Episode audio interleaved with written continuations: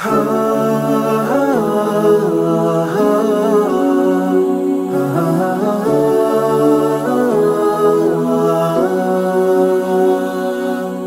alaikum och hjärtligt välkommen till Koranpodden.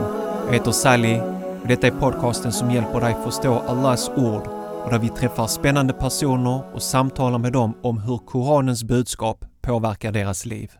Du lyssnar på poddavsnitt 137 och idag ska du få lyssna på mitt samtal med Maria Khan från New Delhi i Indien. Kan du föreställa dig, Indiens befolkning är en miljard 353 miljoner människor. Helt otroligt, subhanallah. Speciellt när man jämför med lilla Sverige och cirka 13 procent av den befolkningen är muslimer, det vill säga 180 miljoner indier är muslimer. Jag upptäckte Maria Khan på Facebook där jag såg en av hennes många videos där hon berättade om den muslimska tron. Jag blev imponerad av hennes tydlighet och unika förmåga att förklara djupa trosuppfattningar på ett lättförståeligt och vardagligt sätt. Här är ett kort klipp taget från en av hennes videos då hon pratar om vikten av att tänka på vad vi säger innan vi säger något och att ord kan såra. The Prophet Muhammad, peace be upon him, has said, One who fears God and the day of judgment should either say a good word or be silent. Now, we often speak very carelessly about people. We do backbiting or say hurtful things. But you should always remember that your words do not vanish in the air. Everything that you say, every word that you utter is recorded by God's angels. And this one thought is so powerful that it should make you speak less and think more. You will become silent and introspect more and more. You will turn all your attention inward. Hazrat Umar Farooq has said, I have never regretted my silence. As for my speech, I have regretted it so many times. So speak with caution. Don't be irresponsible in using your tongue.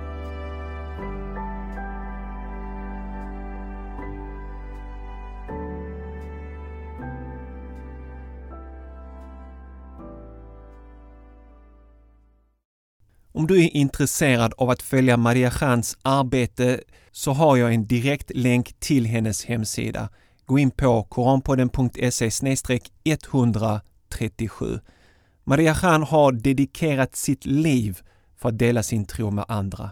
Så i mitt samtal med Maria berättar hon bland annat om hur hon återupptäckte sin muslimska tro och identitet på nytt. Maria är dessutom barnbarn till den mycket inflytelserika indiska imamen Wahiduddin Khan, född den 1 januari 1925. Han är en högt respekterad lärd och fredsaktivist som är känd för att ha skrivit flera böcker om den muslimska tron.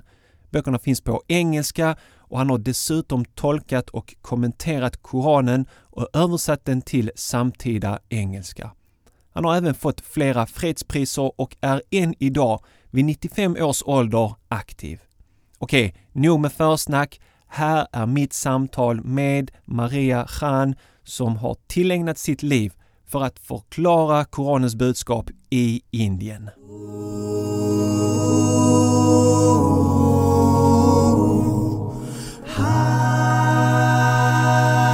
Okay, Assalamu alaikum Maria Khan and welcome to Quran Pod.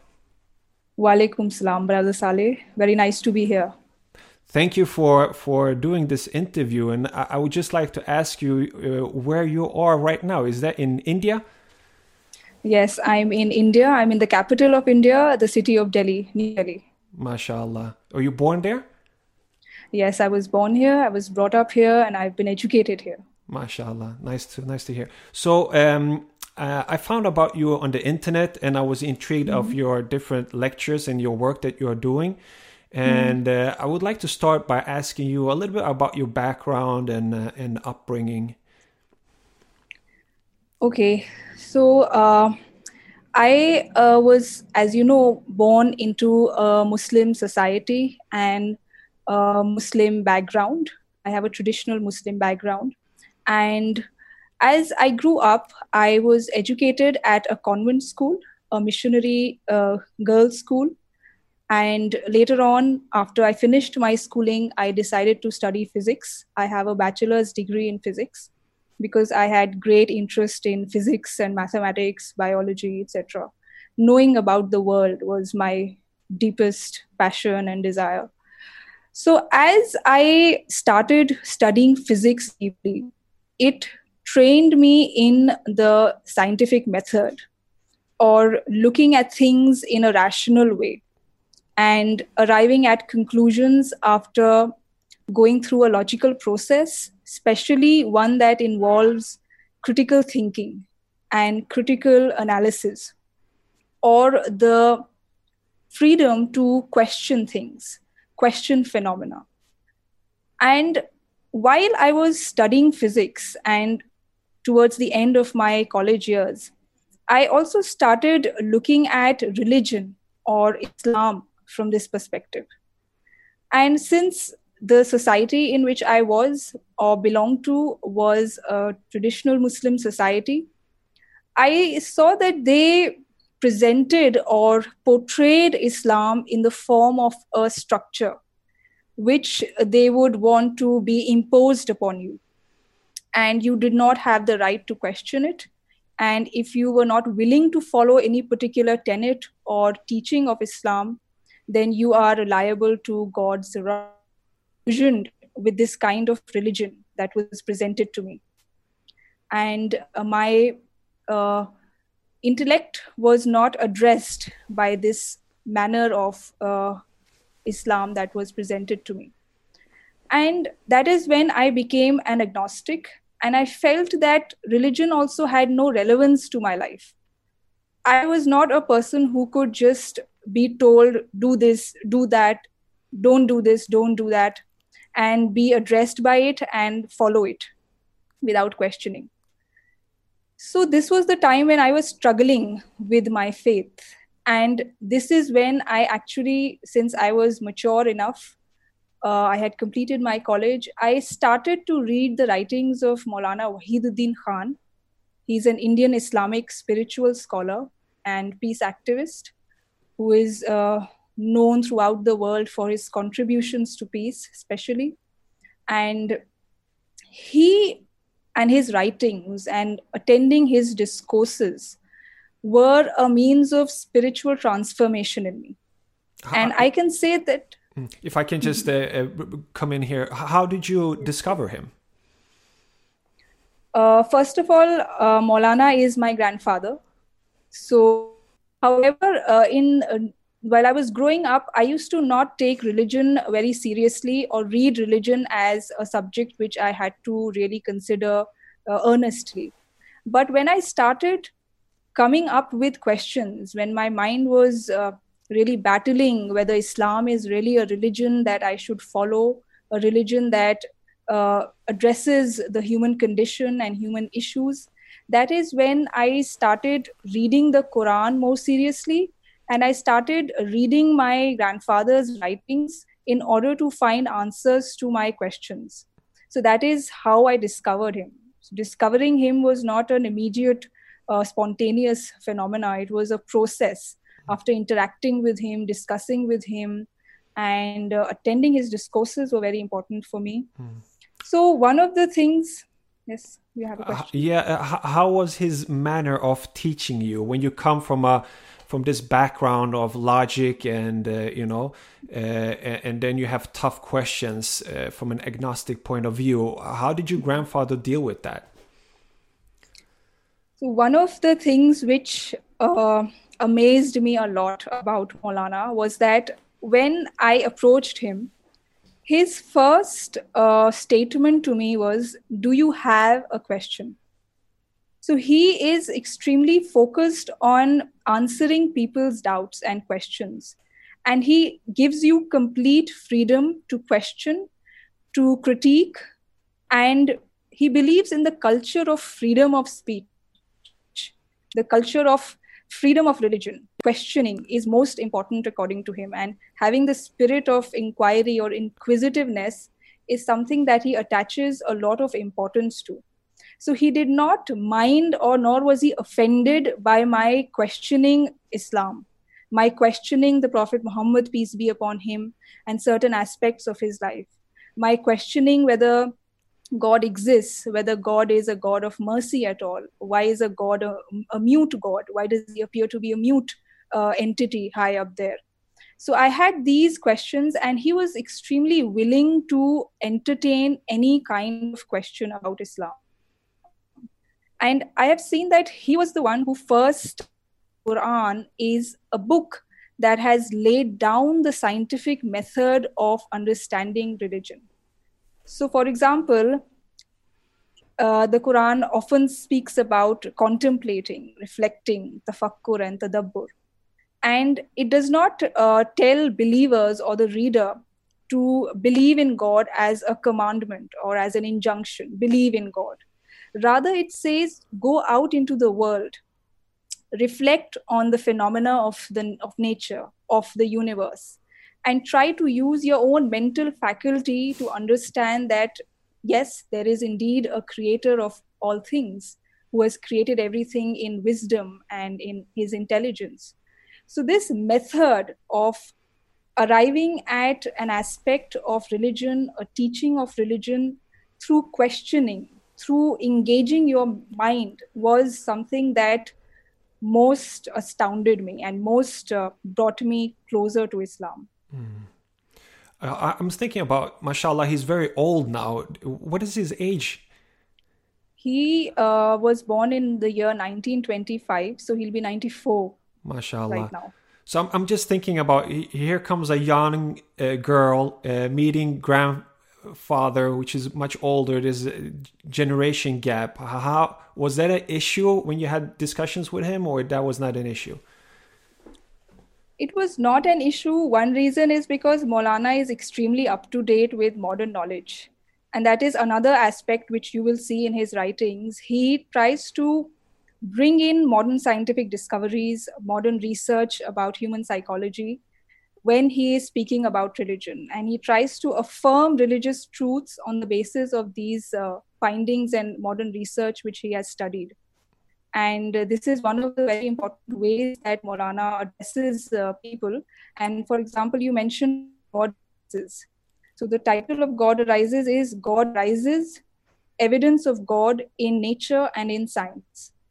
And this was originally written in Urdu and it has been translated into Arabic as Al Islam Yatahadda.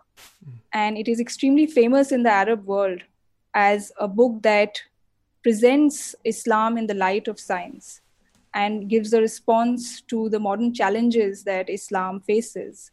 Uh, so, yeah. So, so you had this transformation. Uh, mm. What what did you think now, now, when you discovered and your faith grew? What what did you see your role as?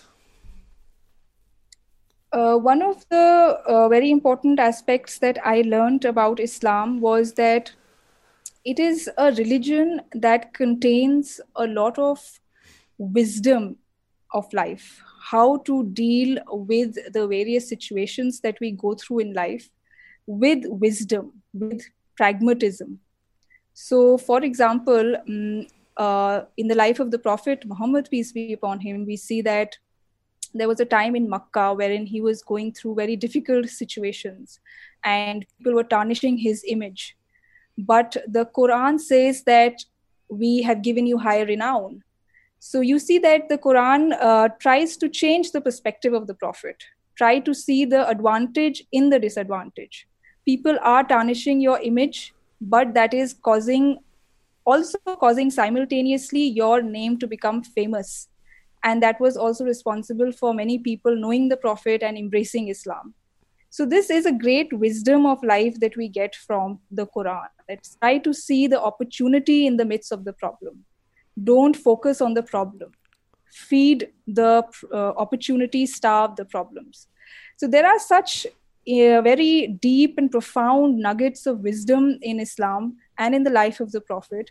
And I decided that it is important to share these with people because not only do they address the Muslim mind, they are equally um, uh, valid or equally valuable for a person who does not follow Islam, who might be struggling with certain uh, things and certain issues in his life. So he can also be um, uh, enlightened about these aspects of Islam and he may benefit from it. So, what, what kind of ways did you choose to share this uh, knowledge that you learned? One of the ways that I have recently started is that we have uh, uh, made a Facebook page of uh, my own, and we are sharing um, videos uh, in different formats. We have short videos, one minute videos, we have three minutes videos, and we have a live uh, talk almost uh, every week, two, two to three times a week. And we take questions from people and we try to answer people on various misconceptions related to Islam and try to make them understand that Islam is a religion of peace and that we have to live peacefully, try to understand the broader goal of Islam and also the kind of relationship that we should have with people of other communities. So, sharing all these things uh, through Facebook, live videos, recorded videos, this is one of the ways that we have yeah, because I, I, that's one of the videos that I saw, which which made me uh, to send you a message to ask if you wanted to be on the podcast, and um, uh, I see that it's very shared, very liked. Uh, uh there's a lot of comments on your videos. Um, how, how how has the response been? The we have got a very good response both from the Muslim community and from the non-Muslim community here in India. And the muslims especially uh, from the youngsters we have a very good response because they say that they want to know about islam in a way that makes it relevant for their lives. So there are many youngsters who are telling me and uh, sending messages to me saying that please uh, do a video on anger management with respect to the quran and sunnah do a video on uh, personality development in the light of uh, islam uh, do a video on how to deal with depression and such suicidal thoughts. And also uh, from the non-Muslim community, we have an excellent response. They, since uh, during Ramzan every day, I did a live talk with reference to a verse from the Quran so people were very amazed to know that the Quran contains such important uh, lessons and such treasures which everybody can imbibe. And many people from the non Muslim community, the Hindu community here in India, they have approached us and have asked for this uh, translation of the Quran from which I used to read out. Mm. So we have actually reached out to them and given to them this translation of the Quran. Great. Uh, th- there is a similarity between India and Sweden when it comes to the Muslim population, and, and that's that we are living as a minority. Mm-hmm. Uh, there is a difference, though, and that is that Muslims in India have been there for hundreds and hundreds and hundreds of years. Muslim in Sweden is a recent phenomenon. Even if there are connections between the Vikings and the Muslims, and there are not facts, but there are um, archaeological findings in Sweden which could have which proposes that maybe Muslims came during the Viking times to Sweden. There's no hard evidence, but there is a, for example, a lot of uh, Arabic coins found in Sweden and other things like that. But uh, let's come to, to modern uh, time. Muslims in Sweden are struggling with their identity they're struggling uh, as as a minority. There is always uh, you, you, are different, and it's easy for the majority to kind of you know put the blame on the minority. So we're struggling with these these uh, questions. Uh, I know that. Uh, you, you have a different situation. You've been there, Muslims have been there for hundreds of years. But what kind of advice would you give to Swedish Muslims living as a minority in a in a in a Christian country to you know to practice their religion and try to you know um, keep their religion? What, what kind of advice would you be able to give? Uh, one of the things that I have discovered about Islam is that it is not a religion that believes in the concept of uh, we and they. Islam is a is a universalist and an inclusive religion. It has uh, goodness and mercy for all. So it's very important for a Muslim to not isolate himself and believe that he is different from others. And a very crucial point that Maulana Wahiduddin Khan always tells us is that Muslims in whichever country they be, whether they be in minority or in majority, they have a very important responsibility with respect to the people of other communities. And that responsibility is the responsibility of dawa. And he does not say that dawa means conversion, converting people to your religion. Rather, it is uh, sharing your faith with goodness and well-wishing and have having compassion for the other person so this is extremely important and we have to bear in mind that this is the relation between us and the people of other communities and it is also important that if we want to give the message of mercy to our non-muslim brethren we have to have uh, well-wishing and love for them. We cannot live with hatred for them. And also uh, uh, added to this or included in this is the fact that even if we face some unpleasantness from others we have to be unilaterally well wishing for them. Just as the prophet muhammad peace be upon him was throughout his period of makkah he did not uh, show any kind of retaliation any kind of uh, abhorrent uh, behavior against all the atrocities that were inflicted on him. Rather, he peacefully disseminated the message which God Almighty had uh, bestowed or granted to him. And why it is important is because today we see that Muslims often have a tendency to refer to people of other communities as kafir, as kuffar, and as infidel, and not uh, mix with them, not participate in the activities, and distance themselves from other people. But we see that uh, it is extremely important that Muslims, first of all, perform their duty of conveying the message of God to people. We go about referring to people as deniers of truth. But have we actually presented the truth to them? So we haven't given them an opportunity to deny the truth, but we are going forward and uh, mindlessly and very audaciously calling them kafir or kuffar. So this equation is extremely important and it keeps you positive. It keeps you uh, uh, with keeps you. Uh, it makes you have a feeling of uh, well-wishing for the other people, even if you face any kind of unwanted situation from their part. So Maulana often says that we have to learn to convert negativity into positivity we will not be surrounded with situations of complete peace and positivity. There will be non ideal and imperfect conditions. But it is upon us to convert, to undertake a process of conversion.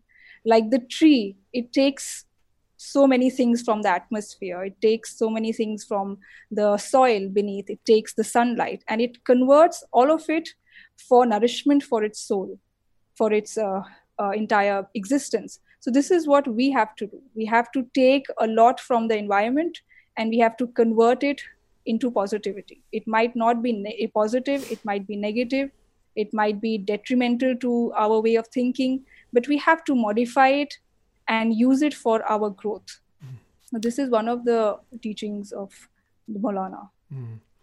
Great. Uh, in season four of uh, this podcast, our focus is on how we can nourish our iman and i will be very i'm curious uh, to know how do you nourish your iman yes that's a very good question one of the very important ways i feel that iman can be nourished is by uh, reading the quran and not simply taking it as a book of recitation as a book which, uh, if we recite in Arabic, it will endow us with some mysterious sawab or reward.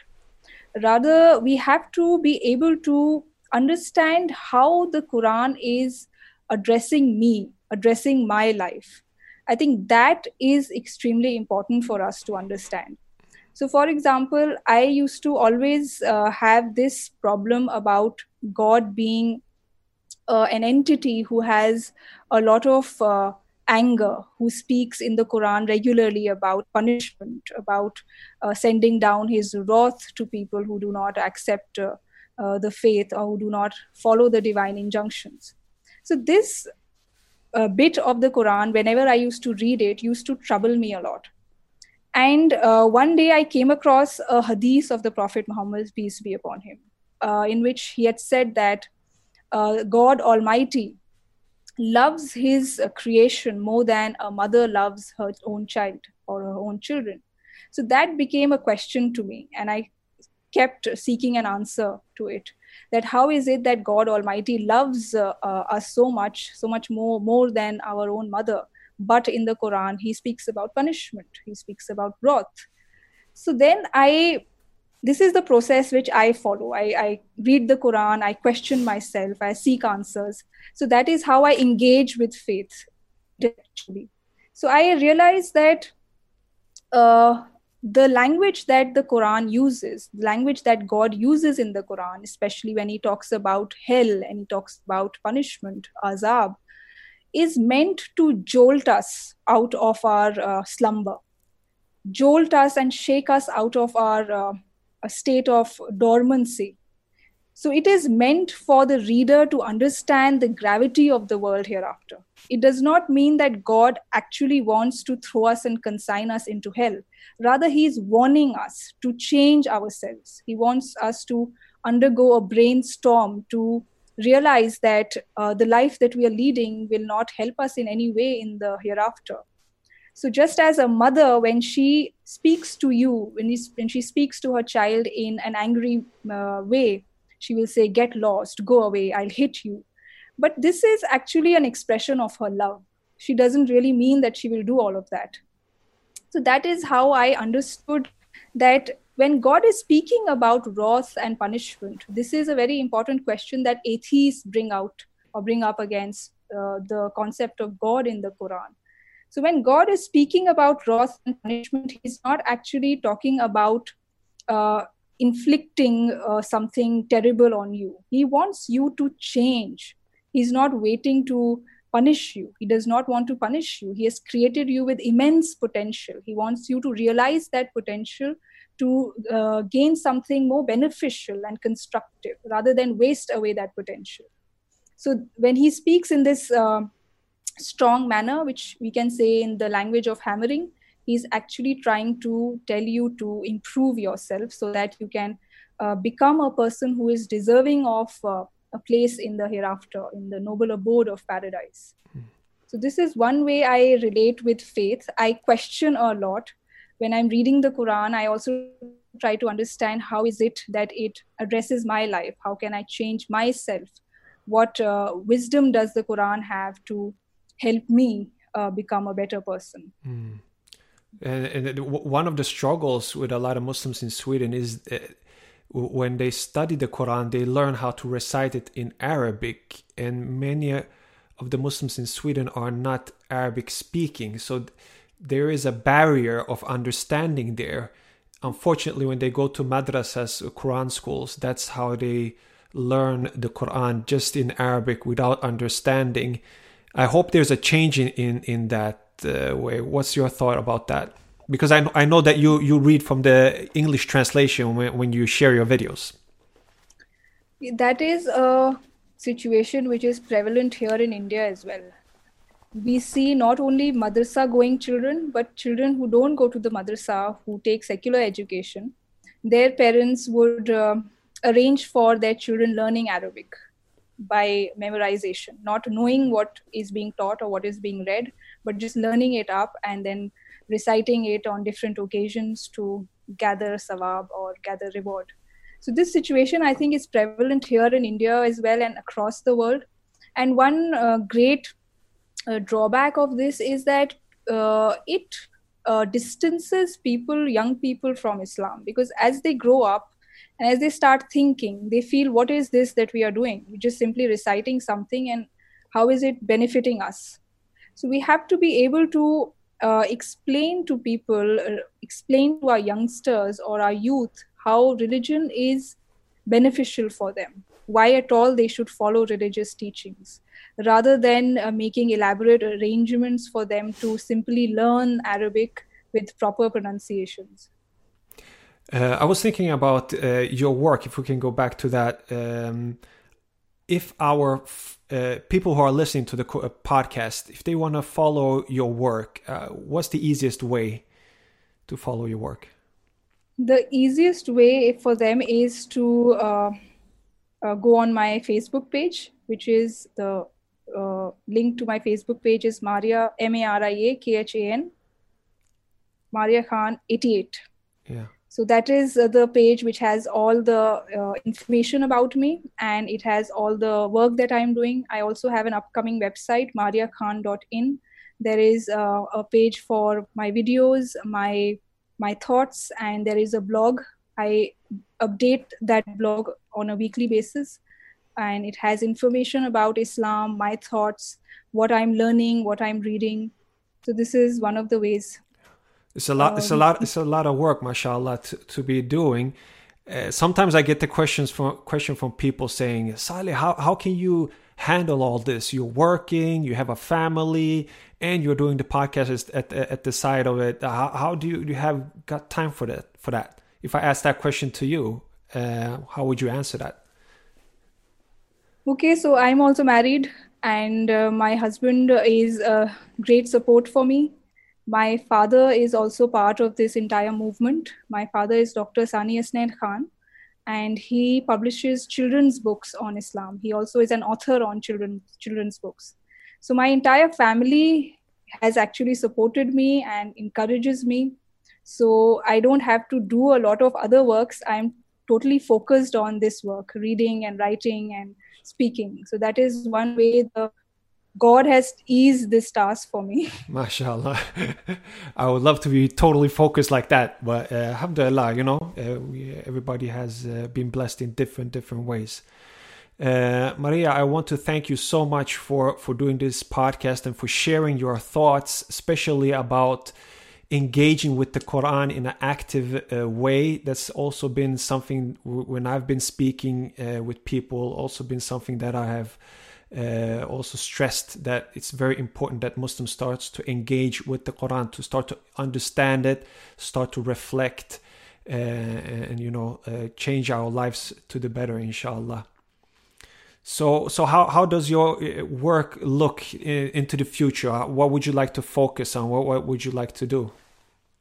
Uh, actually, you had one question on Maulana Wahiduddin Khan. Yeah. And I would like to relate this particular question with that. Yes, absolutely. Uh, so, uh, two particular things which uh, Maulana focuses on and which I would like to focus on and make part of my future work is uh, that Maulana has come up with this entire philosophy or ideology of peace on the basis of the Quran and the life of the Prophet Muhammad, peace be upon him.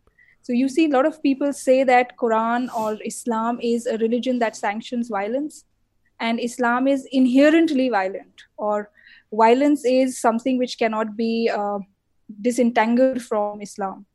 But Maulana has studied Islam with great depth and he has uh, developed concepts and ideas on peace building and conflict resolution. And he has even applied them practically here in india and that has helped in resolution of several riots. You know india is a country which has seen riots. Mm. so maulana's ideas on peace on management of confrontation have been extremely uh, uh, extremely uh, valuable and they have impressed a lot of people. There are many followers and people are actually utilizing those principles of peace derived from islam and they are uh, trying to nip all the conflicts in the bud. The many followers uh, throughout India and the rest of the world, I must say that Maulana is the founder of Center for Peace and, and Spirituality, based in New Delhi, and it has chapters all over India and across the world, and all are all of them are followers of. Uh, Maulana's uh, writings, and they are people who have rediscovered faith and have transformed themselves through his writings and his uh, exposition of Islam. So, this is one very important work which I would like to do, trying to uh, present to people the ideals of peace, the principles and concepts and ideas of peace, social peace especially, uh, which Islam gives us and the Prophet's uh, life give us. And the uh, second thing is that uh, there's a lot of practical wisdom that we see in the life of the Prophet, which uh, Maulana has derived and which I have been uh, influenced with personally. So I'll just give one example briefly, and that is I used to think that Islam is a religion or the followers of Islam are people who, uh, whenever they see anything opposed to Islam or opposed to themselves, they just go out and start a confrontation or they jump to fight and raise a slogan or hue, hue and cry against what has been said or done against Islam. But we see from the life of the Prophet something entirely different. Uh, for example, when he, ha- he was demanded to leave from Makkah so he had the uh, opportunity to stay there and go into battle. Had he done that, it would have completely erased or annihilated Islam. But he did not do that. He rather migrated away from Makkah, went to Medina. So that migration was an example of great foresight and wisdom on the part of the Prophet. So we cannot call it. Uh, a lot of people uh, today who don't have a, a lot of uh, deep understanding about Islam would say that it was uh, passivity or cowardice. But actually, the history of Islam shows us that it was a high kind of planning, a high kind of uh, intelligence that the Prophet acted upon. He changed his place of work. He did not confront, con- confront with the people. Had he engaged in confrontation, it would have uh, wasted his time, energy, and resources so this is another great piece of practical wisdom that we get from the from the life of the prophet. Mm-hmm. that is don't uh, make others suffer losses at your hands. Rather engage in constructive work of your own. And then you'll be able to gain regain whatever you had lost in the past. So this is another you know, yeah thank you so much for for those uh, words. Uh, i'm thinking about wrapping it up now uh, yeah, sure. I really appreciate uh, you being honest and sharing your story and give us giving us uh, wisdom that is applicable even for Muslims in Sweden. Even even if we are living so much apart, uh, there is so much uh, in common here. And may Allah subhanahu wa ta'ala bless your work and your grandfather's work this is the inspiration for me to to pick up one of your grandfather's books uh, seriously and start to read them. I, I love the titles, and I, I, know that the books inside are, are full of wisdom, and inshallah. Uh, I will have the opportunity to dig further in in his work. So uh, give him give him salams from Sweden, from the Muslims in yeah, Sweden, and uh, we, we, encourage his sure. work uh, in the things that he's doing, and sure. also for you uh, thank you so much. Any thank, last words? Thank you very much. Thank you very much for this conversation, and I would like to continue to be uh, part of this whole uh, thing and would like to engage and interact with you more. Thank you for all the questions. They were very important and helped me in understanding where I stand and what all I should be working for. So thank you very much. Thank you. Salam alaikum. Wa alaikum salam. Tack för att du lyssnade på mitt samtal tillsammans med Maria Khan. Något som jag tar med mig från detta samtal är hur inkluderande Maria är. När hon fick frågan av mig vilket råd hon har att ge till muslimer i Sverige som lever som en minoritet berättade hon hur viktigt det är att vi är inkluderande. Det är lätt att tänka i banorna av vi och dem, speciellt när provokatörer och hatfulla människor bränner och skändar Koranen på svenska torg och gator.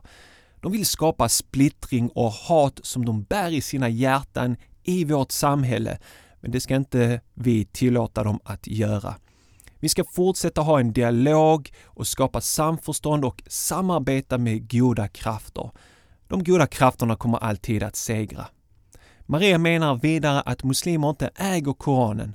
Gud uppenbarade inte Koranen bara för muslimer. Det är en uppenbarelse från Gud till alla människor. Koranens budskap hjälper oss att bli goda grannar, arbetskamrater och medmänniskor och detta måste vi upprätthålla och värna. Det är viktigt att vi aldrig glömmer detta. Nästa vecka är jag tillbaks inshallah med ännu ett nytt poddavsnitt. Det blir en kort påminnelse av mig om hur du övervinner dina rädslor. Rädslor som håller oss tillbaka från att leva det liv och de drömmar som vi har. Påminnelsen baserar sig på mina personliga reflektioner kring att kämpa med mina inre rädslor och som hjälpt mig att slå mig fri från rädslornas bojor. Jag är övertygad om att det jag har att berätta i detta ämne kommer ge dig nytt mod att möta dina egna rädslor och segra över dem. Här är ett kort utdrag från den påminnelsen. Ibland kanske du delar din dröm och någon säger, men vem tror du att du är Sally? Tror du att du kan bli, en, bli det här? Nej, nej, nej, det kommer du aldrig lyckas med. Vi är rädda för vad människor kommer säga, vi är rädda för människors avundsjuka.